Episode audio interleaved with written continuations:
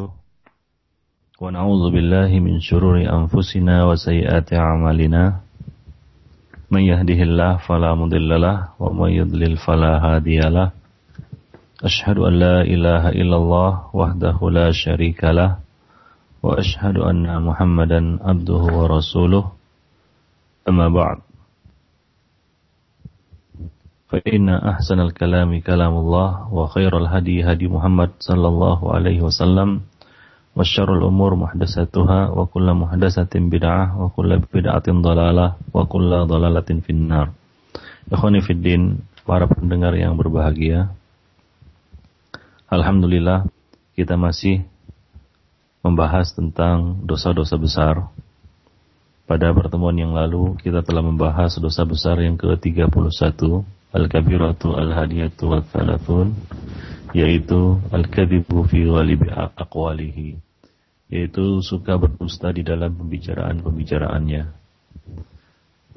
Ikhwani fiddina azani Allah wa jami'an sebelum kita melangkah pada pembahasan ataupun dosa besar yang ke 32 Al-Kabiratu Athaniyatu wa wa thalathun yaitu tasyabbuhun nisa tashabbuhin nisa bir rijal wa tashabbuhur rijal bin nisa. Laki-laki yang menyerupai wanita dan wanita yang menyerupai laki-laki. Kita sedikit mengulang tentang materi kita yang lalu yaitu tentang berdusta. Ikhwani fiddina azani Allah wa iyyakum jami'an. Sesungguhnya berdusta itu termasuk akhlak yang rendah dan hina dan tergolong di antara uh, akhlak-akhlak yang buruk yang harus dihindari oleh seorang muslim. Dan salah satu di antara ciri kemunafikan dan merupakan cabang-cabang kekufuran. Dan berdusta merupakan alamat atau tanda rendahnya akal seseorang, lemahnya moral, dan jeleknya kepribadian seseorang.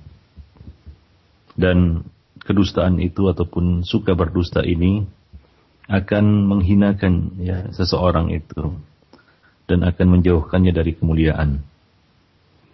Salah seorang ulama salaf yaitu Al-Mawardi mengatakan kedustaan adalah kumpulan ya gabungan dari segala keburukan dan merupakan asal merupakan pangkal dari segala celah karena akibatnya yang buruk akibat dari kedustaan yang buruk dan hasil akhirnya yang keji. Karena akan menghasilkan adu domba jadi antara manusia. Kalau kita lihat orang-orang yang berjalan ke sana kemari menyebarkan namimah adu domba, itu tidak lepas dari kedustaan-kedustaan yang disampaikannya kepada manusia. Namimah atau adu domba itu sendiri sebagaimana yang dijelaskan oleh Nabi naqlul hadis min bainin nas ila ba'd liyufsidu bainahum. Menukil berita dari orang ke orang untuk merusak hubungan mereka.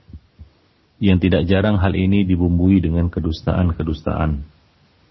Ya, Nabi Shallallahu alaihi wasallam berkata, "Kafa bil, bil mar'i kadziban ayuhadditsa bi kulli ma sami'." Cukuplah seorang itu dicap sebagai pendusta jika dia mengobrol menyampaikan ya semua yang yang ia dengar. Ya, dan adu domba ini akan menyebabkan kebencian. Dan kebencian akan menyebabkan permusuhan. Dan permusuhan akan menyebabkan menimbulkan ya, peperangan ya, kita katakan peperangan antara ya, manusia dan ini merupakan akibat buruknya. Oleh karena itu dikatakan barang siapa yang sedikit kejujurannya maka akan sedikit pula temannya. Barang siapa yang sedikit kejujurannya, maka akan sedikit temannya. Sebab manusia tidak akan mau berteman dengan orang yang e, suka berdusta atau seorang pendusta. Ya, manusia akan letih dibohongi. Mungkin satu dua kali kebohongan mereka dapat menanggungnya, mereka dapat masih dapat memakluminya tapi kalau terlalu sering dan menjadi suatu tabiat baginya, watak eh, dari dirinya, maka orang-orang akan menjauhinya. Orang-orang akan menghindarinya dan tidak akan mau berteman dan bergaul dengannya. Nah, kedustaan ya terutama pada masa sekarang ini sudah menyebar Ya, alangkah banyaknya orang-orang yang mudah berdusta dalam interaksi dan pergaulannya. Dan alangkah sedikitnya orang yang jujur. Ya, sementara Allah Subhanahu wa taala menyuruh kita untuk menjadi orang yang jujur. Ya ayyuhalladzina amanu ittaqullah wa kunu ma'as sadiqin. Wahai orang-orang yang beriman, bertakwalah kamu kepada Allah dan jadilah kamu bersama orang-orang yang berlaku jujur. Surat At-Taubah ayat 119. Jadi kita diperintahkan oleh Allah Subhanahu wa taala untuk jujur dan kita diperintahkan untuk bersama orang-orang yang jujur dan menjauhi uh, para kadzabun athir. Ya, orang-orang yang yang pendusta lagi penuh dosa. Ya. Nah, demikian ikhwan fillah azani Allah wa iyyakum jami'an.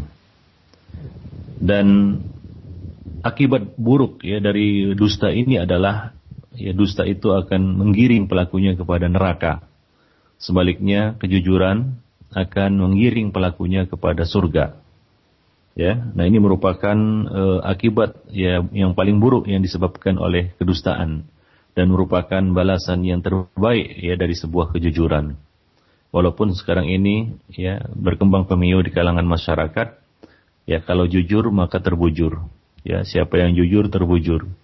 Ya, demikian. Ini merupakan ya, kita katakan e, cermin ya dari jauhnya mereka, ya cermin jauhnya mereka dari keimanan dan sifat amanah. Karena iman itu adalah amanah. Tidak ada iman bagi orang yang tidak memiliki sifat amanah dan kejujuran. Demikian ikhwan fillah, azani Allah wa iyyakum jami'an. Khususnya kita soroti pada uh, uh, masalah ini berkaitan dengan para pedagang dan pegawai para pedagang dan pegawai yang ya kita katakan e, memegang prinsip ini. Kalau kita jujur terbujur, ya nggak akan dapat untung, nggak akan dapat keuntungan dan laba kalau kita jujur. Ya maka pedagang pun seolah-olah melegal, melegalkan, ya, membenarkan tindak-tindak kebohongan di dalam jual belinya.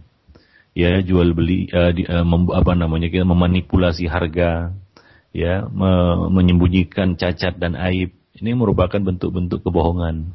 Dikatakan barang yang palsu sebagai barang yang asli, ya. Nah, demikian untuk melariskan barang dagangannya. Nah, maka dari itu Nabi mengatakan at-tujar humul fujar.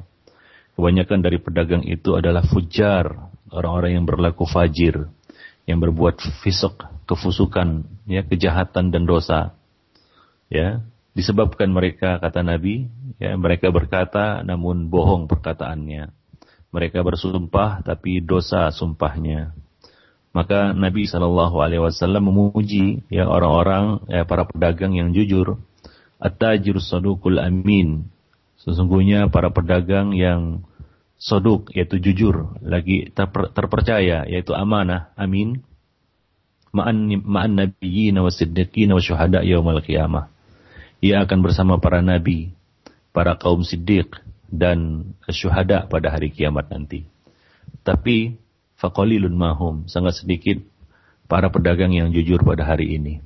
Kalau kita survei ke pasar-pasar, maka mayoritas isi pasar itu adalah kebohongan. Berapa banyak ya kita katakan konsumen ataupun para uh, kita katakan ya, para uh, um, pelanggan itu kecewa, pembeli kecewa setelah pulang dari pasar, merasa dibohongi timbangannya, dibohongi takarannya, dibohongi harganya, dibohongi eh, apa namanya eh, barang jualan atau benda-benda yang dia beli ya ternyata tidak seperti yang diiklankan atau tidak seperti yang di eh, apa namanya di eh, dikatakan oleh si penjual dan lain sebagainya.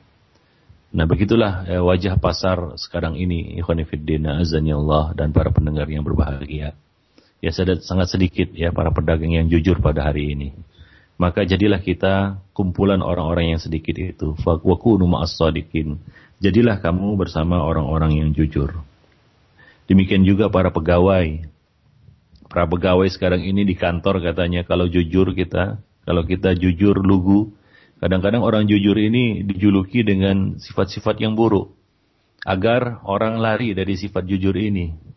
Mereka katakan, wah lugu sekali orang itu. Ya si fulan itu lugu sekali karena jujurnya. Nah orang jujur dikatakan lugu begitu. Nah orang yang pintar berdusta, lihai berdusta dikatakan Ya orang yang cerdik, orang yang pintar, wah pintar kali si fulan. Ya rupanya pintar bohong, ya pintar berdusta. Ya, nah demikian Ikhwan Fiddin. Ya ini termasuk ya apa namanya gelaran-gelaran buruk yang diberikan kepada orang-orang yang saleh. Orang yang jujur dikatakan lugu, orang yang dusta dikatakan bijak. Nah hingga uh, kita katakan ukuran dari kejujuran ini menjadi suatu yang nisbi, ya tidak jelas lagi di kalangan manusia pada hari ini. Ikhwanifiddin dan para pendengar yang berbahagia. Ya di kantor juga demikian, ya para pegawai itu dan para buruh juga, ya yang namanya jujur itu barang langka. Hingga kalau kita lihat sekarang ini, ya pemborong lah. Kita memborongkan rumah misalnya. Ada saja kehilangan, ya, ada saja kecurangan, ada saja kebohongan, ya Eh, apa namanya eh, material-material ataupun eh, kita katakan curi waktu dan lain sebagainya ya ketidakjujuran di dalam kerja ya nah ini juga sering kita dapati di tengah-tengah masyarakat. Hingga ya, kita katakan orang jujur pada hari ini adalah barang langka. Ya bahkan mungkin sudah masuk museum mereka nggak ada lagi bertebaran di luar. Nah itulah yang men, apa namanya mencuatkan keprihatinan kita. Maka dari itu hendaknya kita ya khususnya orang-orang yang menuntut ilmu, para penuntut ilmu ya eh, apa namanya mengedepankan kejujuran ini dan menjadi contoh bagi eh, masyarakat di dalam hal kejujuran. Rasulullah alaihi mengatakan alaikum bisidq fa inna sidqa yahdi ilal bir wal bir yahdi ilal jannah wa inna rajul la yasduq hatta yuktaba wa la yazalu yasduq hatta yuktaba indallahi siddiqa kalian wajib berlaku jujur karena kejujuran akan menuntun kepada kebaikan dan kebaikan akan menuntun kepada surga. Dan sesungguhnya seseorang berlaku jujur dan ber, dan selalu berusaha ber, senantiasa berusaha untuk jujur hingga ia ditulis di sisi Allah Subhanahu wa taala sebagai orang yang jujur. Ya, jadi jujur itu perlu apa namanya? Eh, latihan, ya taharra, ya taharus sidq. Ya, ya la yazalu yasduq, dia senantiasa jujur, wa yataharras sidq. Dan dia, dan dia berusaha, berupaya sedemikian rupa untuk jujur dan menghilangkan ataupun menjauhi sifat dusta. Ya. Maka hingga dia ditulis di sisi Allah Subhanahu wa taala sebagai orang yang jujur, jadi kejujuran itu juga perlu dilatih. Sebagaimana al-hilm, kesantunan, itu juga perlu dilatih. Sabar juga perlu dilatih. Ya, kalau orang tidak melatih dirinya untuk jujur, maka dia tidak akan bisa menjadi orang yang jujur. Ya, jadi perlu latihan. Nabi mengatakan innamal hilmu bitahallum. Sesungguhnya kesantunan, sifat santun itu dengan tahallum, dengan melatih diri untuk santun. Ya, wa man tasabbar sabbarahullah. Barang siapa yang melatih kesabarannya, maka Allah Subhanahu wa taala akan melimpahkan kesabaran kepadanya. Jadi sifat-sifat yang baik ini juga perlu latihan. Latihan untuk uh, kita katakan melakukannya dan membiasakannya. Ya, melakukannya dan membiasakannya. Karena kalau tidak dibiasakan, maka uh, kebiasaan ataupun tabiat ini tidak akan melekat pada diri kita. Demikian pula sebaliknya, ya, akhlak-akhlak yang tercela, ya, yaitu dusta, kalau tidak dibiasakan kita hilangkan atau kita jauhi, maka ya kita akan ya, terbiasa untuk berdusta hingga ditulis di sisi Allah sebagai seorang pendusta. Sebagaimana kata Nabi Shallallahu Alaihi Wasallam di dalam lanjutan hadis tersebut, Nabi mengatakan, "Iyyakum wal kadhib, fa innal kadhiba yahdi ilal ilal fujur, wa innal fujur yahdi ilal nar, wa innar rajula la yakdzib." wala yazalu yakbib wa yataharral kadhib hatta yuktaba indallahi kadzaba dan diharamkan dan kalian dilarang dari dari kedustaan. Kalian diharamkan berdusta. Kalian dilarang berdusta. Karena sesungguhnya kedustaan itu akan membawa kepada kefajiran. Dan kefajiran akan membawa kepada api neraka. Akan menggiring kepada api neraka. Dan sesungguhnya seorang itu berdusta. Senantiasa berdusta. Dan dia mencari-cari ya alasan dan waktu momen untuk berdusta ya hingga dia ditulis di sisi Allah Subhanahu wa taala sebagai ya seorang pendusta kadzaba. Nah, demikian ikhwanifiddin. Jadi kalau kita membiasakan diri dengan akhlak-akhlak yang buruk ini, maka dia akan menjadi tabiat dan watak. Nah, kalau sudah menjadi watak, ini susah mencari obatnya. Nah, kalau watu masih ada obatnya, Ya, kalau watak itu susah mencari obatnya dan susah untuk dirubah. Ya, payah dan sulit untuk dirubah. Kecuali Allah Subhanahu wa taala menghendakinya, ya. Kecuali Allah Subhanahu wa taala merahmatinya dan memberinya hidayah kepada kebaikan. Nah, di antara kedustaan yang nampak tersebar meluas di tengah-tengah manusia, ya, mulai dari kedustaan kepada Allah dan Rasulnya, kedustaan untuk merusak hubungan dua orang yang bersaudara dan bersahabat, berdusta untuk menjadikan para pendengarnya tertawa-tawa, ya, yaitu para pelawak, orang-orang yang apa namanya berbicara, ya, dan apa namanya sengaja untuk membuat orang tertawa, ya bahkan kadang-kadang dibumbui dengan dusta. Nah ini termasuk hal yang kita katakan tercela. Ya sebagaimana hadis yang telah kita sampaikan sebelumnya, ya seorang ya berbicara kepada manusia eh, liyudhika bihin nas untuk agar orang-orang tertawa dengannya eh, karenanya ya karenanya maka Nabi mengatakan wailun lahu wa wailun lahu wa wailun lahu. Celakalah baginya celakalah dia celakalah dia. Nabi mengatakan wailun lilladzi yuhaddis bil hadis liyudhika bihin nas fayakdzib wailun lahu wailun lahu wailun lahu. Hadis sahih riwayat Abu Daud dan disahihkan oleh Al Albani di dalam Sahihul Jami' celakalah wail dikatakan wail ini adalah neraka wail ya bagi orang-orang yang berbicara dengan sebuah pembicaraan liyudhika bihin nas untuk membuat orang-orang tertawa ya lalu dia berdusta ya dibumbui dengan dusta. Ya, dia ter, dia tanpa terasa, tanpa dia sadari dia jatuh dalam dusta. Fayagdzib. Wa wailun lahu, wailun lahu, wailun lahu. Wail atas baginya, neraka wail baginya atau kebinasaanlah baginya. Nah, bagaimana pula kalau pembicaraan itu menyangkut tentang urusan-urusan agama? Seperti yang kita lihat sekarang ini ya. Ya, mereka mengatasnamakan agama berbicara tentang urusan-urusan agama tapi tujuannya untuk membuat manusia tertawa, untuk membuat manusia tertawa-tawa, bahkan terbahak-bahak, bukan sekedar tertawa, tapi terbahak-bahak. Nah, ini adalah suatu hal yang harus dihindari. Ya, karena tanpa terasa kita akan tergiring kepada dusta, ya. Karena memaksakan diri agar manusia tertawa. Bagaimana supaya mereka tertawa hingga ya perkataan-perkataan kita pun kadang-kadang dibumbui dengan dusta. Satu dua kedustaan akhirnya ya menjadi suatu kebiasaan. Ikhwanifiddin azanillah wa iyyakum jami'an. Ya jadi ini harus dihindari. Dalam pembicaraan manusia aja tercela. Ya kita apa namanya dalam pembicaraan duniawi ya sengaja membuat orang-orang tertawa ya ya dengan dibumbui dengan kedustaan-kedustaan ini adalah satu yang tercela Apalagi kalau pembicaraan itu menyangkut urusan agama yang merupakan kaulun fasal wa ma huwa bil hazal merupakan kaulun fasal. Kata pemutus, kata-kata yang tegas. Wa ma huwa bil hazal. Bukanlah ya Al-Qur'an ini ataupun agama ini suatu yang hazal, suatu yang ya, kita katakan senda gurau dan permainan, bukan perkataan sia-sia. Inna sanulqi alaika qaulan saqila. Ini adalah satu perkataan yang berat. Ya, perkataan yang berat yang berat bagi jiwa manusia, ya maka hendaknya dijauhi dari perkara yang sia-sia ikhwani fiddin. A'azzani Allah wa iyyakum jami'an. Jadi pembicaraan tentang agama bukan untuk mencari tertawa dan kepuasan jiwa. Sebagian orang mendengarkan ceramah itu seperti mau mendengarkan musik atau mendengarkan lagu. Kalau enak di telinganya maka dia dengarkan. Kalau nggak enak ya dia pun lari. Ya, sementara dia tidak tahu bahwasanya pada perkataan itu terdapat obat obat itu biasanya pahit. Ya, jarang obat yang manis. Ya, maka ikhwanifiddin ini adalah kebiasaan yang harus kita jauhi dan kita hindari.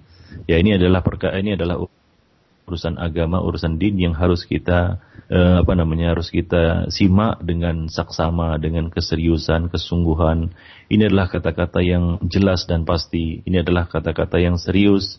Ini menyangkut sorga dan neraka ya bukan hal yang perlu dijadikan bahan tertawaan apalagi dibumbui dengan kedustaan seperti yang banyak kita lihat pada uh, hari ini ya ya bahkan kadang-kadang berdakwah dibumbui dengan nyanyian ya berdakwah dibumbui dengan lawakan nah ini adalah suatu yang ya kita katakan tidak selayaknya dan tidak pantas dan tidak akan bisa terhindar dari yang namanya al-kidib atau dusta Demikian ikhwan fillah azani Allah wa iyyakum jami'an. Demikian pula dusta di dalam hal menghujat, dalam hal bersengketa, ya, dalam kondisi dalam eh, dalam ya posisi terjepit.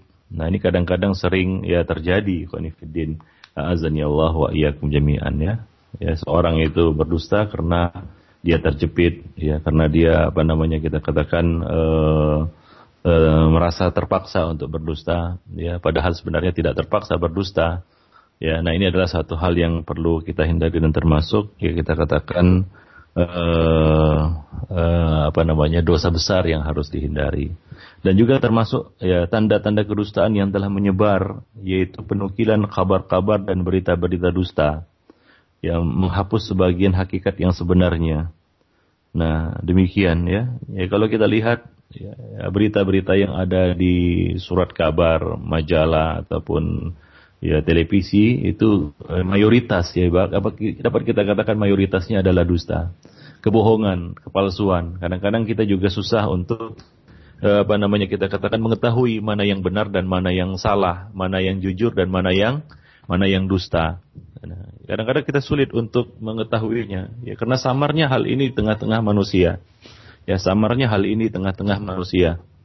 Ya, kalau kita lihat ya berita-berita sekarang ini, ya kebanyakannya adalah ya itu informasi-informasi yang tidak sesuai dengan kenyataan yang sebenarnya. Dan itulah hakikat dari ke kedustaan, ikhwanifiddin. Itulah hakikat dari kedustaan yang harus kita jauhi ya di tengah-tengah masyarakat kita. Tapi ya itu pula sekarang ini yang menjadi idola di tengah-tengah masyarakat itu pula yang ya kita katakan menjadi idola di tengah-tengah masyarakat.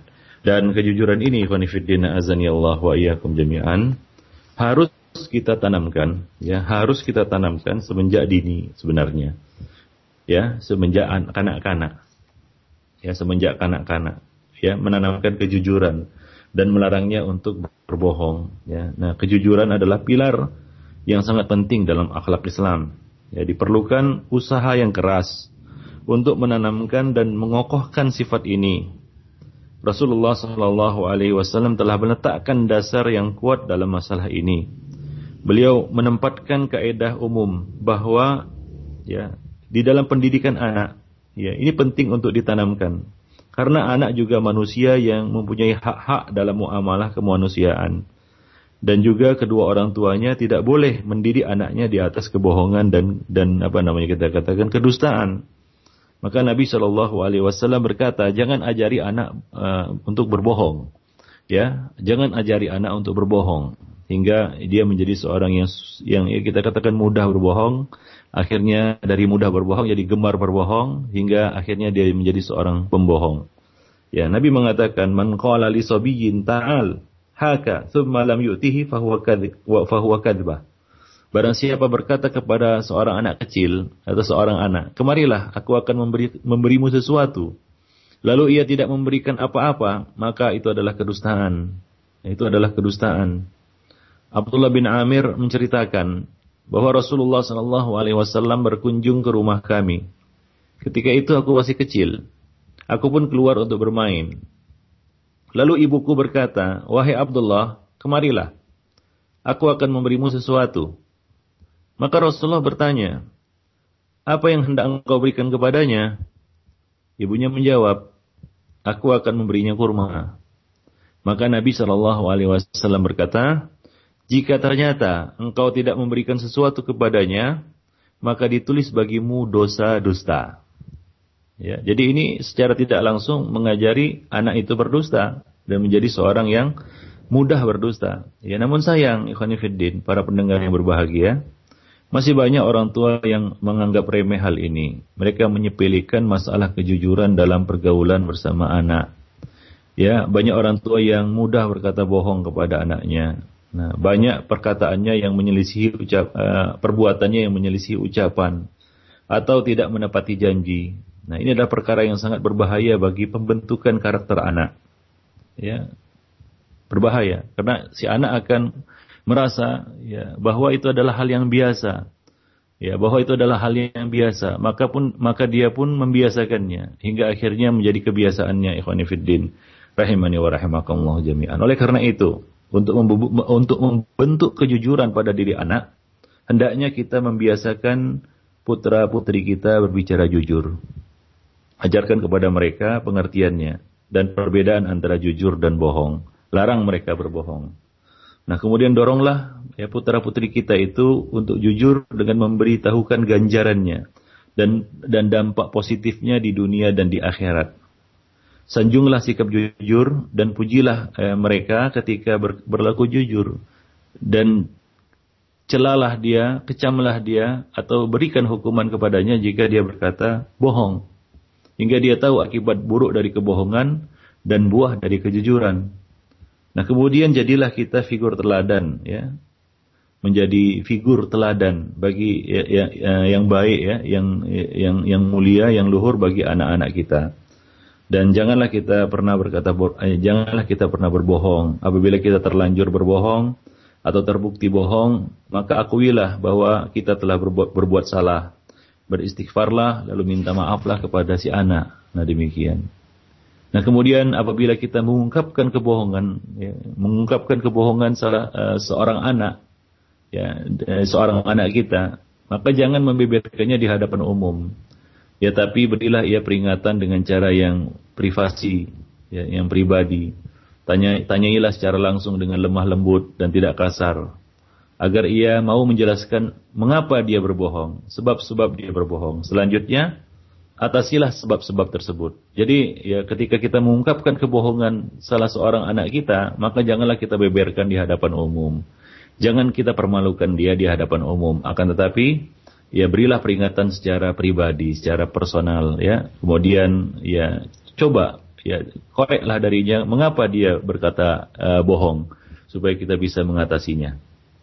Nah kemudian yang terpenting juga adalah jauhkanlah putra putri kita itu dari teman-teman yang buruk ya, ya atau karib kerabat ataupun keluarga yang punya sifat bohong eh, seorang pembohong kan begitu ya kita jauhkan putra putri kita dari uh, apa namanya dari pergaulan seperti itu. Nah kemudian perlu juga kita mengulang-ulang ataupun kita menceritakan kepadanya kisah-kisah dan cerita-cerita tentang mulianya kejujuran dan buruknya kebohongan. Nah, demikian dengan cara yang menghibur ya hingga tanpa terasa telah tertanam pada dirinya uh, bahwa orang yang jujur itu adalah mulia dan kejujuran itu akan membawa hasil yang positif dan baik di dunia maupun di akhirat. Demikian juga kebohongan itu adalah suatu akhlak yang tercela dan kebohongan itu akan membawa dampak yang buruk di dunia maupun di akhirat. Nah demikian ikhwan fiddin azani Allah wa jami'an hingga semenjak dini si anak itu sudah tertempa menjadi seorang anak yang jujur dan mengetahui bahwa eh, bohong itu ataupun dusta itu adalah suatu ya yang dilarang bahkan termasuk salah satu dosa besar. Demikian ikhwan fiddin azani Allah wa iyyakum jami'an ya berkaitan dengan pembahasan kita pada ya minggu lalu ataupun uh, Selasa lalu. Dan insya Allah pada hari ini kita akan melanjutkan al-kabiratu atsaniyatu watsalathun. Dosa besar yang ke-32 yaitu laki-laki uh, perempuan dan laki-laki yang menyerupai lawan jenis yang, yang menyerupai lawan jenisnya. Laki-laki menyerupakan diri dengan perempuan ya menjadi bencong, banci Demikian juga wanita yang menyerupakan dirinya dengan laki-laki, wanita-wanita yang tomboy. Ya, nah ini adalah satu yang ya kita katakan tercela dan membawa laknat. Ya, tercela dan membawa laknat. Meskipun pada hari ini orang-orang memandang itu satu yang lumrah dan biasa, bahkan digolongkan kepada hak asasi manusia. Ini merupakan suatu kejahatan sebenarnya terhadap hak asasi manusia laki-laki dijadikan perempuan, perempuan dijadikan laki-laki ini menyalahi fitrah sebenarnya ya. Ini bukan apa namanya hak asasi manusia, bahkan ini adalah melecehkan dan melanggar hak asasi manusia. Tapi demikianlah timbangan pada hari ini sudah banyak yang terbalik. Yang benar jadi salah, yang salah jadi benar, yang hak jadi batil, yang yang batil menjadi hak. Ini adalah perkara yang membawa laknat dan setiap perkara yang membawa laknat itu termasuk dosa besar yang harus dijauhi ya di dalam kitab As-Sahih yang diriwayat, ya, satu hadis yang diriwayatkan oleh Al Imam Bukhari dari Ibnu Abbas radhiyallahu anhu Nabi sallallahu alaihi wasallam mengatakan la'anallah al-mutasyabbihatu minan nisa'i birrijal wal mutasyabbihin minar rijali bin nisa. Allah melaknat. Laknat itu hakikatnya adalah at-tardu min rahmatillah. Dijauhkan dari rahmat Allah Subhanahu wa taala. Dijauhkan dia dari rahmat Allah Subhanahu wa taala. Sementara kita ini hidup tanpa rahmat Allah Subhanahu wa taala, ya kita tidak tidak jadi apa-apa. Ya bahkan kita akan hidup dalam musibah dan malapetaka, dalam bahaya dan bencana jika kita jauh dari rahmat Allah Subhanahu wa taala. Nah, Allah melaknat ya Allah melaknat perempuan ya yang menyerupakan dirinya dengan laki-laki dan laki-laki yang menyerupakan dirinya dengan perempuan. Ya mulai dari ya kita katakan aksesoris yang dipakai, pakaian, ya, tingkah laku, gaya bicara, ya yang menyerupai yang menyerupai lawan jenisnya, maka ini termasuk tasyabuh. Dan tasyabuh eh, seperti ini adalah tasyabuh yang diharamkan. Ya, tasyabuh yang diharamkan. Laki-laki misalnya memakai pakaian wanita, busana wanita, aksesoris wanita, ya segala hal atribut yang sebenarnya ini dikhususkan untuk wanita dia pakai. Nah ini termasuk bentuk tasyabuh. Demikian juga gaya berjalan, ya gaya berjalan, gaya bicara, ya ini itu tidak boleh ya meniru lawan jenis, ya. Nah demikian. Demikian pula wanita, ya dia tidak boleh ya kita katakan meniru lawan jenisnya yaitu pria di dalam hal pakaian, tingkah laku, bicara dan lain sebagainya yang merupakan kekhususan kaum pria. Ya kekhususan kaum pria. Kaum pria. Nah demikian. Di dalam riwayat lain ya Eh, Rasulullah SAW mengatakan la'anallah ya la'anallah ar-rajalah minan nisa. Allah Subhanahu wa taala melaknat ar-rajalah minan nisa yaitu ya apa namanya wanita-wanita yang berperilaku seperti laki-laki. Wanita-wanita yang berperilaku yang meniru yang menyerupakan dirinya dengan laki-laki. Ya, hadis ini sahih juga diriwayatkan oleh Abu Dawud dari Aisyah radhiyallahu anha dan disahihkan oleh Syekh Al-Albani. Demikian juga dalam riwayat lain Rasulullah sallallahu alaihi wasallam mengatakan la'anallah al-mukhannatsina minar minar minar minar rijal wal mutarajjilati minan nisa. Sesungguhnya Allah Subhanahu wa taala melaknat laki-laki yang mukhannas yaitu yang menyerupakan dirinya dengan wanita yang membuat dirinya menjadi wanita, berbicara seperti wanita, berjalan seperti wanita, berlenggak-lenggok seperti wanita, memakai pakaian-pakaian wanita, aksesoris wanita, ya atau memotong rambutnya seperti potongan rambut wanita, ya, nah demikian atau berhias ya seperti berdandan seperti dandanan wanita. Nah ini termasuk ya, mukhannas yang dilaknat oleh Allah Subhanahu wa taala dan termasuk orang-orang yang merubah-rubah ciptaan Allah Subhanahu wa taala. Demikian pula halnya al-mutarajjilat minan nisa. Wanita-wanita yang mutarajjilat yaitu yang berperilaku seperti laki-laki, yang meniru-niru laki-laki. Ya wanita-wanita yang tomboy, berperilaku seolah-olah laki-laki. Nah ini termasuk yang dilaknat oleh Allah Subhanahu wa taala. Yang dilaknat oleh Allah Subhanahu wa taala yakni allati yatashabbahna birrijal fi labsihim wa hadisihim yaitu yang menyerupakan dirinya dengan laki-laki baik di dalam hal pakaian-pakaian mereka dan juga di dalam pembicaraan ataupun gaya bicara mereka ya Abu Hurairah radhiyallahu anhu mengatakan qala Rasulullah sallallahu alaihi wasallam La'an Allah al-mar'ah talbasu libsatar rajul warrajulu yalbasu libsatal mar'ah. Allah Subhanahu wa taala melaknat laki eh, perempuan yang memakai pakaian laki-laki dan laki-laki yang memakai pakaian wanita. Jadi di dalam hal berpakaian juga harus diperhatikan. Nah, di sana ada pakaian-pakaian yang memang khusus untuk wanita. Ya, khusus untuk wanita. Maka ini diharamkan bagi kaum laki-laki untuk memakainya. Haram bagi kaum laki-laki memakainya. Nah, di sana ada pakaian-pakaian khusus untuk pria. Ya, mulai dari ya kita katakan pakaian, baju, celana, ya ataupun sepatu, ya. Yang ini khusus untuk pria, ya, khusus untuk pria dan secara uruf itu memang dipajang di bagian pria, ya, di bagian pria, di bagian laki-laki, itu pakaian laki-laki ya maka ini diharamkan bagi kaum wanita untuk memakainya haram bagi wanita untuk memakainya jadi ya, di dalam membeli kostum atau busana juga harus dilihat yang laki-laki janganlah mencari tem, uh, apa namanya pakaian di tempat yang memang itu stan kaum wanita. Dan kaum wanita juga jangan salah tempat cari busana, cari kostum di ya apa namanya di tempat ataupun di stan yang memang itu untuk pria. Ya, karena ada khusus pakaian untuk wanita dan ada untuk pria. Maka janganlah kita memakai pakaian lawan jenis kita karena itu merupakan bentuk tasyabuh yang diharamkan yang membawa laknat ya yang membawa laknat. Fa'idha labisat al-mar'ah zayir rijal.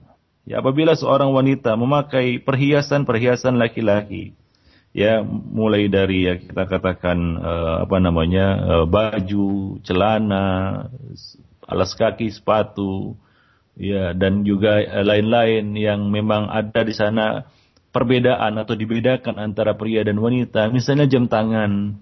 Nah di sana ada jam tangan pria, ada jam tangan wanita. Ya, yang wanita janganlah pakai jam tangan pria. Ya, yang pria janganlah memakai jam tangan wanita. Ya, demikian. Jadi segala sesuatu ada kekhususannya. Demikian juga kacamata, hal-hal yang memang dibedakan di situ antara laki-laki dan perempuan. Maka janganlah kita memakai perhiasan aksesoris lawan jenis kita itu. Demikian. Nah itu termasuk ya kita katakan tasyabuh yang mendatangkan laknat Allah Subhanahu wa taala. Ya, fatalhaquha la'natullah ya wa rasuluhu la'natullahi wa rasulihi ia akan mendapatkan laknat Allah Subhanahu wa taala dan rasulnya demikian dan pada masa Rasulullah sallallahu alaihi wasallam para apa namanya banci ataupun wadam ini itu dijauhkan. Ya dari apa namanya dari masyarakat. Ya dijauhkan mereka dari masyarakat. Ya uh, Rasulullah diriwatkan dari uh, apa namanya uh, Ibnu Abbas radhiyallahu anhu. Ya ia berkata Rasulullah Shallallahu Alaihi Wasallam ya telah melaknat para banci yaitu bencong laki-laki yang menyerupai wanita dan wanita-wanita tomboy wanita-wanita yang menyerupakan dirinya dengan laki-laki. Lalu Rasulullah Shallallahu Alaihi Wasallam bersabda akhrijuhum min buyutikum. Usir mereka dari rumah kalian. Ya usir mereka dari rumah kalian. Ibnu Abbas mengatakan maka Nabi Shallallahu Alaihi Wasallam mengeluarkan si fulan ya dari rumah.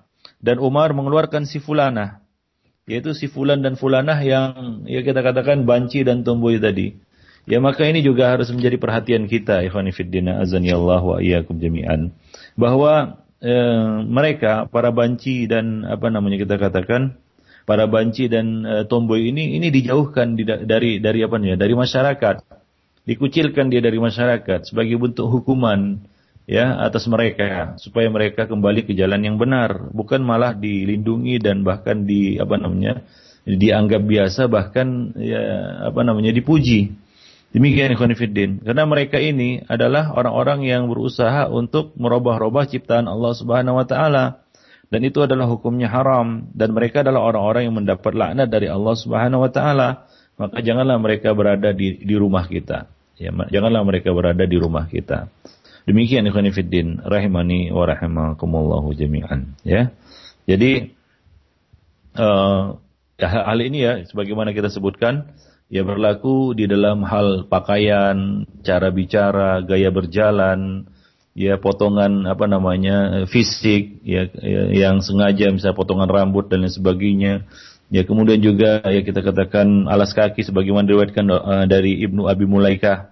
Ya, ya pernah bertanya kepada dikatakan atau ditanyakan kepada Aisyah radhiyallahu anha bahwa ada seorang wanita yang memakai sepatu laki-laki. Ya, ada seorang wanita yang memakai sepatu laki-laki. Maka ia pun berkata, Rasulullah Shallallahu alaihi wasallam melaknat wanita yang menyerupai laki-laki wanita yang menyerupai laki-laki. Jadi ya para wanita, ya kaum wanita ini hendaknya memperhatikan juga janganlah dia pakai ya kita katakan kostum atau pakaian-pakaian yang memang itu khusus untuk laki-laki. Pakailah pakaian-pakaian yang memang diperuntukkan untuk wanita. Contohnya saja seperti misalnya jaket lah kita katakan ya. Dan sini ada jaket-jaket yang memang itu jaket wanita, jaket pria. Nah kalau dia pakai itu kadang-kadang kita juga kalau dari belakang kita kita kira dia itu pria. Ya, kita kira dia itu pria, ternyata wanita. Jadi wanita pakailah jaket wanita gitu ya. Nah demikian juga aksesoris lainnya seperti sepatu dan lain sebagainya.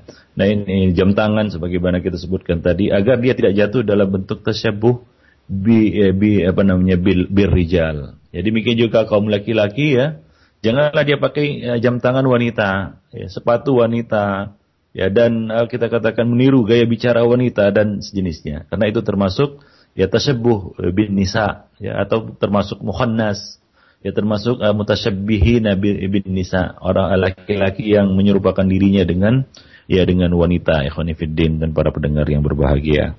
Ya, jadi itu harus kita hindari dan ya para wali ya di sini para suami ataupun orang tua hendaknya memperhatikan ya apa namanya orang-orang yang berada di bawah tanggungannya. Ya misalnya seorang uh, apa namanya seorang seorang suami idza amkana uh, idza amkana zaujatahu dia jika dia membiarkan ya dia memberikan kebebasan kepada ya apa namanya istrinya untuk berperilaku seperti itu, berperilaku tomboy misalnya, ya wa bihi walam yanhaha ya dan dia meridainya dan dia tidak melarangnya ya maka dia akan jatuh dalam uh, laknat tersebut juga. Karena Allah Subhanahu wa taala mengatakan ku anfusakum wa ahlikum nara wa quduhan nas wal hijarah Wahai orang-orang yang beriman, ya ayyuhalladzina amanu qu anfusakum wa ahlikum naro. Jagalah diri kamu dan keluarga kamu dari api neraka. Nah, khususnya para wali, ya, orang tua, para suami hendaknya menjaga melihat putra-putri mereka, juga istri-istri mereka agar tidak jatuh dalam bentuk tasyabuh ini. Ya. Tidak jatuh dalam bentuk tasyabuh. Ya, ya kalau kita lihat ya apa namanya putri kita agak tomboy ya itu diperhatikan harus di apa namanya dicegah ataupun harus di luruskan jauh-jauh hari jangan sampai menjadi suatu kebiasaan hingga dia menjadi apa namanya perempuan yang tomboy. Demikian juga istri kita. Kalau ada nampak kelaki-lakian begitu ya eh, gaya bicaranya ataupun ya, sikapnya ataupun ya apa namanya kostum-kostum ataupun pakaian busana yang dikenakannya aksesoris yang dikenakannya maka hendaknya kita melarangnya. Ya janganlah ya kita membiarkannya. Nah demikian ikhwan fillah azani Allah wa iyyakum jami'an. Berkaitan dengan dosa uh, apa namanya dosa uh, yang ke-20 32 ini yaitu tasyabuh uh, nisa bir rijal wa tasabbuhur rijal bin nisa. Ya menyerupai lawan jenis. Ya nah demikian. Ya mudah-mudahan Allah Subhanahu wa taala melindungi kita dari apa namanya dari dosa ini ya dari perkara yang membawa laknat ini dan membersihkan masyarakat kita dari orang-orang seperti ini. Nah demikianlah para pendengar yang berbahagia ya penjelasan ataupun kajian kita pada hari ini. Ya lebih dan kurang saya mohon maaf. Aku qouli hadza wa astaghfirullah wa lakum wa lisairil muslimin innahu huwal ghafurur rahim. Nah, syukuran jazakallahu khairan. Barakallahu fiik para ustaz. Dan demikianlah ikhwatal iman rahimanillah wa iyyakum. Pendengar radio Roja di mana pun Anda berada. Materi yang telah disampaikan oleh Al Ustaz Abu Ihsan Al-Maidani hafizahullah dari pembahasan Al-Kabair poin yang ke-32 yaitu haramnya laki-laki menyerupai perempuan dan sebaliknya yaitu perempuan menyerupai laki-laki. Mudah-mudahan apa yang kita simak bersama bermanfaat bagi kita semua. Dan selanjutnya kami buka sesi tanya jawab bagi Anda yang ingin bertanya. Silahkan Anda bisa menghubungi kami di line telepon di 0218236543 atau di pesan singkat di 0819896543. Dan kami harapkan untuk lebih memperdalam pembahasan kita di kesempatan hari ini agar kiranya pertanyaan disesuaikan dengan pembahasan uh, kita. Ya, di 0218236543. Halo. Assalamualaikum. Waalaikumsalam warahmatullahi wabarakatuh. Dengan siapa di mana? Maaf, Pak, ini dari uh, Selamat Mulyadi, uh, Serpong. Selamat Pak Selamat Mulyadi ya. Ya. Saya maaf ini ya di luar tema karena saya ini apa uh, ini tapi urgent sekali ini mau menanyakan tentang itu cara dikembalikan kepada Ustaz. Bagaimana Ustaz? Iya, mas masalah apa? Iya, masalah silakan, Pak. Masalah masalah itu, ayo masalah uh, cara memakai uh, eh, HP fleksi untuk uma, ini radio roja gimana caranya? Uh, mungkin Bapak bisa menghubungi layanan FR kami, Pak ya? Uh, ya berapa namanya? Uh, 8233661 ya. Uh, ya, uh, Baik, baik selanjutnya untuk pendengar yang eh, lainnya silahkan Anda bisa bertanya dengan eh, pembahasan kita di kesempatan pagi hari ini yaitu pembahasan Al-Kabair ya dosa besar yang ke-32 yaitu haramnya menyerupai wanita dan wanita menyerupai laki-laki. Jadi 0218236543. Halo. Assalamualaikum warahmatullahi wabarakatuh. Waalaikumsalam warahmatullahi wabarakatuh. Mohon dikecilkan Pak uh, volume radionya. Saya Pak Waryadi dari Ramalumbu Bekasi. Silakan. Uh, mungkin saya mengambil tema yang kemarin ya masalah dusta. Boleh ya? Iya, silakan Pak. Uh, Ya. Boleh Ustaz. Kalau misalkan saya mengundang suatu pertemuan dijadwalkan hari ini jam 10. Tiba-tiba karena dari suatu hal saya tidak sempat menyampaikan kepada undangan tersebut, undangannya dibatalkan. Nah, apakah saya termasuk berdusta nggak atau berbohong sehingga teman-teman yang sudah diundang pada datang, sedangkan saya sendiri berada di tempat, misalkan lagi ke mana, nah apa saya termasuk orang berdusta nggak untuk untuk perbuatan tersebut? Terima kasih. Assalamualaikum warahmatullahi wabarakatuh. Waalaikumsalam warahmatullahi wabarakatuh. Ya, eh, ini termasuk masalah menepat- menepati janji. Ya, menepati janji. Ya, seorang muslim itu harus eh, komitmen dengan janji yang telah diberikannya. Dan menyalahi janji ini eh, termasuk salah satu di antara tanda-tanda kemunafikan yang harus kita jauhi ya. Jadi hendaknya kita katakan seorang mukmin itu menjaga janji-janjinya ya. Wafadu aimanakum jagalah janji-janji kamu. Nah, kalau kita beri janji kepada seseorang, misalnya kita bertemu besok jam 10, maka pegang janji itu. Nah, kalau ada perubahan, maka kita menginformasikan kepadanya.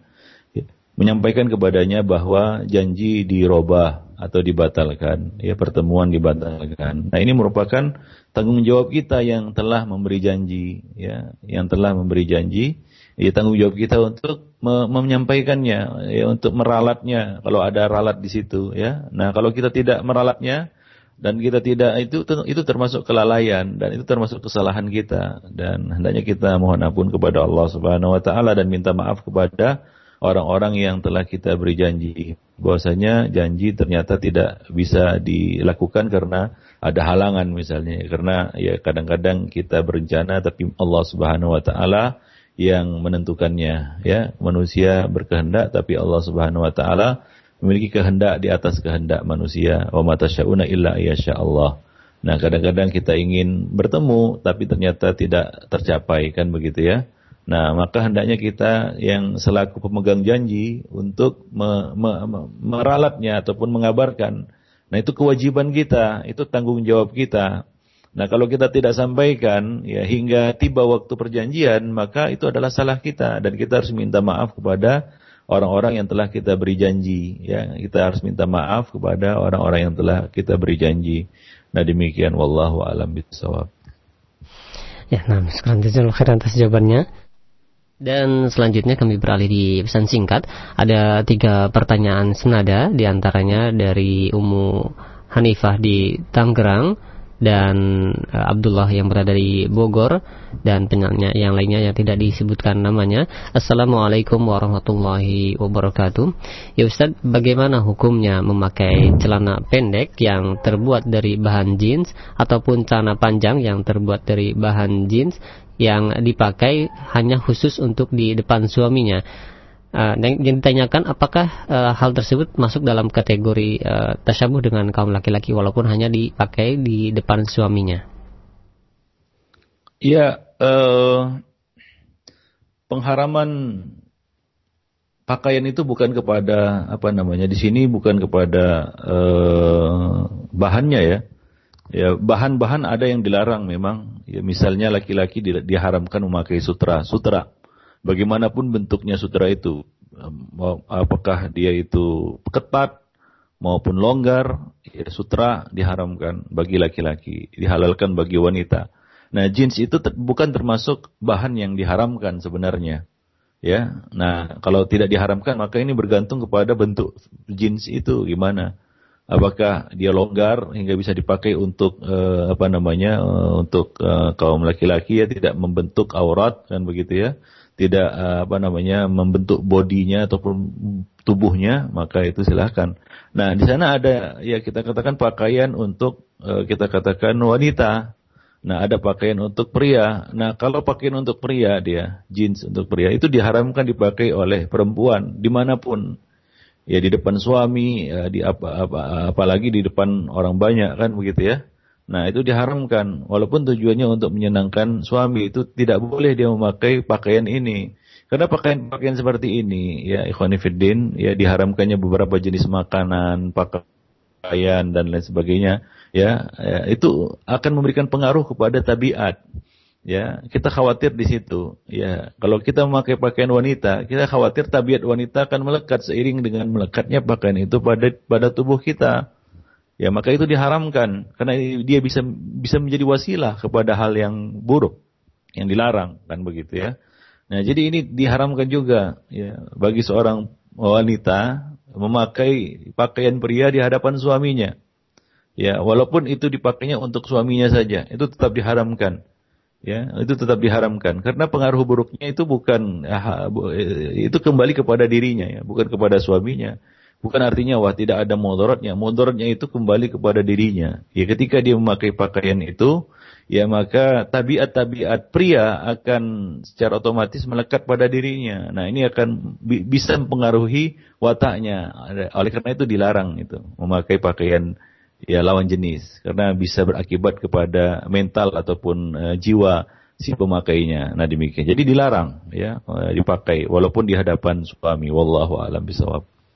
Ya baik, terima kasih banyak atas jawabannya. Mudah-mudahan bermanfaat.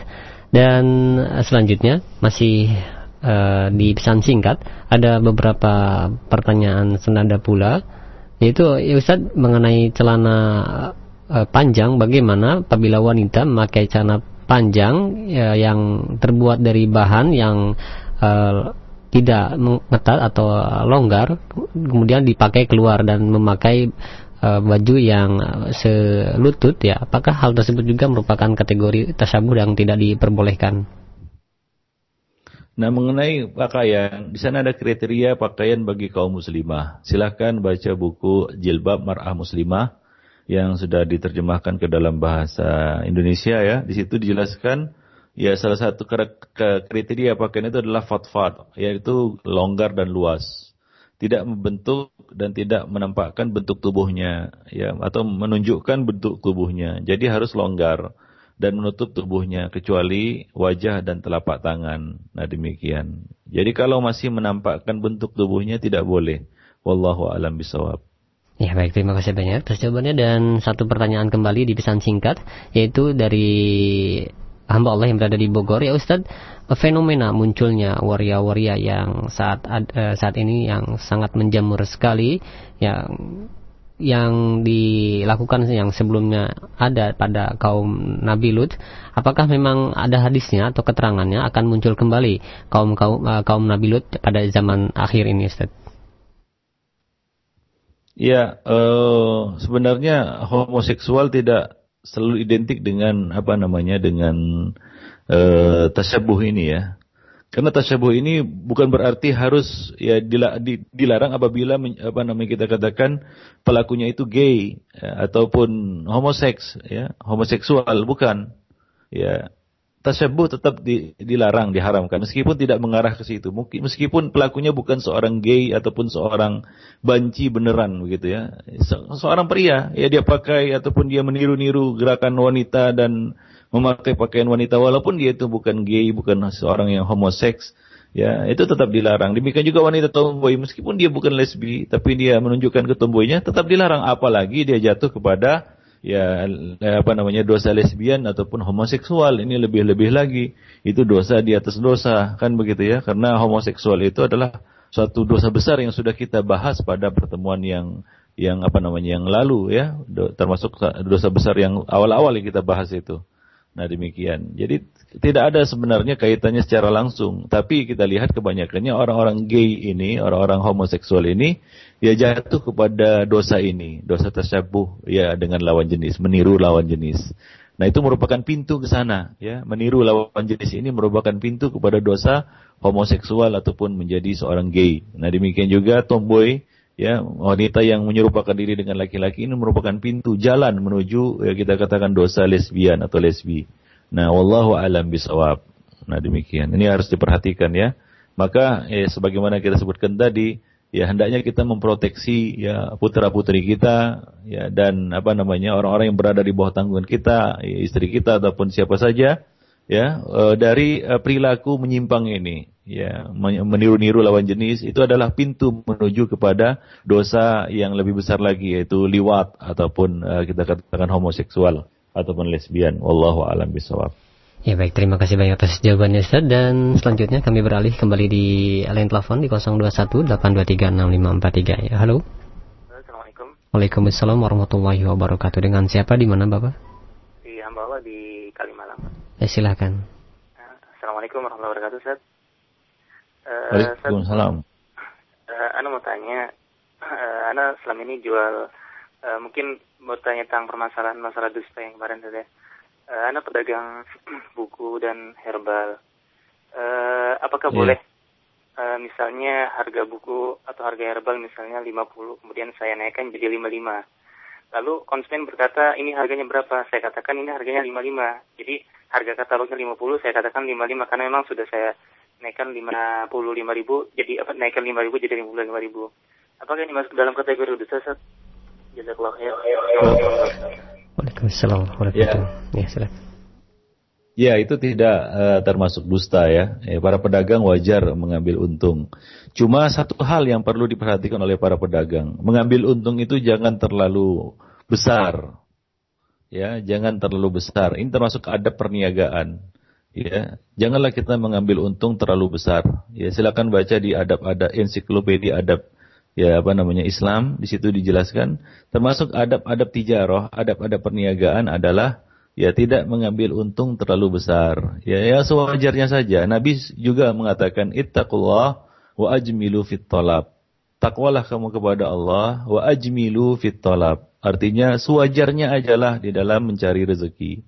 Ya sewajarnya saja mencari untung begitu ya, jangan terlalu tinggi ya ya yang untungnya sampai 2000 persen kan begitu ya. Nah hingga ya wajar kalau pembeli menilai ini dusta, ya kan? Kalau kita mengambil untung terlalu tinggi, ya dari harga yang sebenarnya mereka juga tahu, mereka tidak akan bertoleransi. Artinya, ya apa namanya, ya ini dia mengambil laba. Tapi dia akan berasumsi, wah ini pedagang ini menipu, kan begitu ya, berdusta dia. Nah demikian. Tapi kalau kita sewajarnya ya harga bandrolnya misalnya 50 dijual oleh pedagang eceran misalnya 55 itu wajar. Ya, para konsumen ataupun pembeli juga tidak akan berasumsi ataupun tidak akan menuduh wah ini pedagang apa namanya menipu ataupun dan sejenisnya. Ya, nah demikian. Jadi sewajarnya aja. Ajmilu fit talab. Sewajarnya sajalah kamu di dalam mencari rezeki. Ya, nah demikian. Wallahu a'lam bisawab. Nah ini yang banyak kadang-kadang diabaikan oleh para pedagang. Nah demikian. Mudah-mudahan kita bisa menjadi pedagang yang sodukul amin. amin. Ya, yang jujur lagi amanah karena balasannya adalah kita akan bersama para nabi, kaum siddiq dan para syuhada pada hari kiamat. Ya amin ya rabbal alamin. Ya baik terima kasih banyak atas uh, jawabannya Ustaz dan uh, satu pertanyaan terakhir Ustaz ya kesempatan pagi hari ini. Yaitu ada pertanyaan dari muslimah di Singapura. Assalamualaikum warahmatullahi wabarakatuh. Ya Ustaz bagaimana ada seorang laki-laki yang memang sudah lembut sejak kecilnya sehingga di waktu dewasanya terdapat lenggak-lenggok wanita dalam perbuatan dan cara bicaranya ada uh, ada yang ber, berpendapat bahwa itu merupakan takdir Allah Subhanahu wa taala. Apakah memang benar hal seperti itu, Ustaz? Iya, bagus pertanyaannya. Nah, di sana ada orang-orang yang khunsa, khunsa muskil. Yaitu orang yang memang anak yang memang memiliki dua jenis kelamin sejak lahir. Nah, ini merupakan suatu ciptaan Allah Subhanahu wa taala ya, takdir Allah Subhanahu wa taala dia memiliki dua alat kelamin alat kelamin laki-laki dan alat kelamin perempuan. Nah, hal ini memang terjadi dan ada, ya. Nah, kalau itu terjadi, maka anak ini dilihat, ya, setelah dewasa ke mana ke kecondongannya, apakah kepada jenis kelamin laki-laki ataupun perempuannya. Nah, kalau kepada laki-laki, maka hendaknya dia dilatih untuk menjadi seorang laki-laki, ya. Nah, demi ini namanya khunsa muskil, khunsa muskil. Taib. Nah, apabila anak ini bukan bukan termasuk kasus itu. Artinya dia bukan memiliki dua kelamin ganda. Dia tidak memiliki kelamin ganda. Kelaminnya cuma satu, laki-laki. Tapi dia memiliki sifat lemah gemulai. Nah, sifat lemah gemulai sebenarnya ya suatu hal yang wajar pada seseorang dan bisa juga membawa kepada hal yang positif. Tapi kalau itu mengarah kepada meniru lawan jenis, maka hendaknya ini ya para orang tua ya kita katakan meluruskannya. Ya, memberikan eh, kita katakan eh, pengertian kepadanya batas-batas.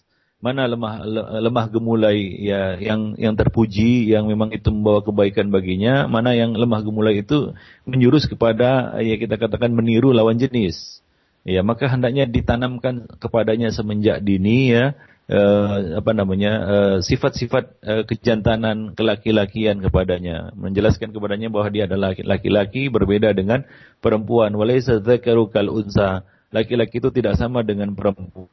Nah, dibiasakan kepadanya untuk ya apa namanya berperilaku seperti laki-laki, bermain-main dengan anak laki-laki kan begitu ya, dengan mainan-mainan yang ya kita katakan ya mengasah kejantanannya, ke laki-lakiannya. Nah, demikian hingga sifat-sifat yang kewanitaan ini bisa terkikis. Nah, demikian. Wallahu a'lam bishawab. Nah, ini bu, uh, perlu ya kita katakan perhatian yang serius dari para orang tua tentunya untuk memperhatikan perkembangan anak-anak mereka. Wallahu a'lam bisawab. Ya, baik. Terima kasih banyak atas jawaban Ustaz dan pertanyaan tadi merupakan pertanyaan terakhir dan mungkin ada satu kesimpulan yang dapat disampaikan. Silakan. Ya, ikhwan azani Allah jami'an. Alhamdulillah pada pagi ini kita uh, menyelesaikan pembahasan tentang uh, dosa besar yang ke-32 yaitu haramnya ataupun dilarangnya Eh, laki-laki dan wanita menyerupai lawan jenisnya di dalam hal ya pakaian, busana, pembicaraan, gaya bicara, ya dan kebiasaan-kebiasaannya. Nah demikian. Dan ini ya Rasulullah SAW mengatakan bahwa sikap seperti ini menyerupai lawan jenis itu merupakan sikap yang bisa mendatangkan laknat Allah Subhanahu wa taala. La'an Allah al-mutasyabbihat minan nisa bir rijal wal mutasyabbihin minar rijal bin nisa ya mendatangkan laknat dari Allah Subhanahu wa taala. Nah, kemudian juga merupakan sebab ya, ya seorang itu masuk ke dalam neraka ya, sebab masuk neraka. Rasulullah sallallahu alaihi wasallam mengatakan salasun la yadkhulunal jannah. Tiga orang yang tidak akan masuk surga. Wala yanzurullahu ilaihim yaumal qiyamah. Dan Allah Subhanahu wa taala tidak akan melihat mereka pada hari kiamat. Ya Allah tidak akan masukkan mereka ke surga dan Allah tidak akan lihat mereka pada hari kiamat. Salah satunya adalah al-mar'ah al-mutarajjilah al-mutasyabbihah rijal. Wanita yang menyerupai laki-laki, ya, wanita yang menyerupai dirinya dengan laki-laki dengan lawan jenisnya. Nah, juga itu hukuman di akhirat ya. Nah, hukuman di dunia Rasulullah sallallahu alaihi wasallam mengatakan kepada uh, para banci dan para wanita-wanita tomboy ini ya kepada para kaum muslimin untuk mengeluarkan mereka ini dari rumah-rumah mereka. Akhrijuhum min buyutikum. Usir mereka dari rumah-rumah kalian. Ya, kalau mereka ya melakukan uh, si uh, apa namanya perbuatan-perbuatan seperti ini ataupun uh, menjadi ya wanita-wanita yang tomboy ataupun laki-laki yang banci. Usir mereka dari rumah-rumah kalian. Nah ini adalah kita katakan kehinaan di dunia sebelum azab dan uh, kita katakan kehinaan nantinya di akhirat. Ya Allah alam bisawab demikianlah ikhwani fiddin pertemuan kita pada hari ini yang benar datangnya dari Allah dan yang salah dari saya dan dari syaitan. Uh, saya mohon maaf atas uh, kesalahan mungkin uh, perkataan yang menyinggung perasaan ataupun yang tidak pada tempatnya. Uh, lebih dan kurang saya mohon maaf. Aku lu qouli hadza wa astaghfirullah li wa walisairil muslimin innahu huwal ghafurur rahim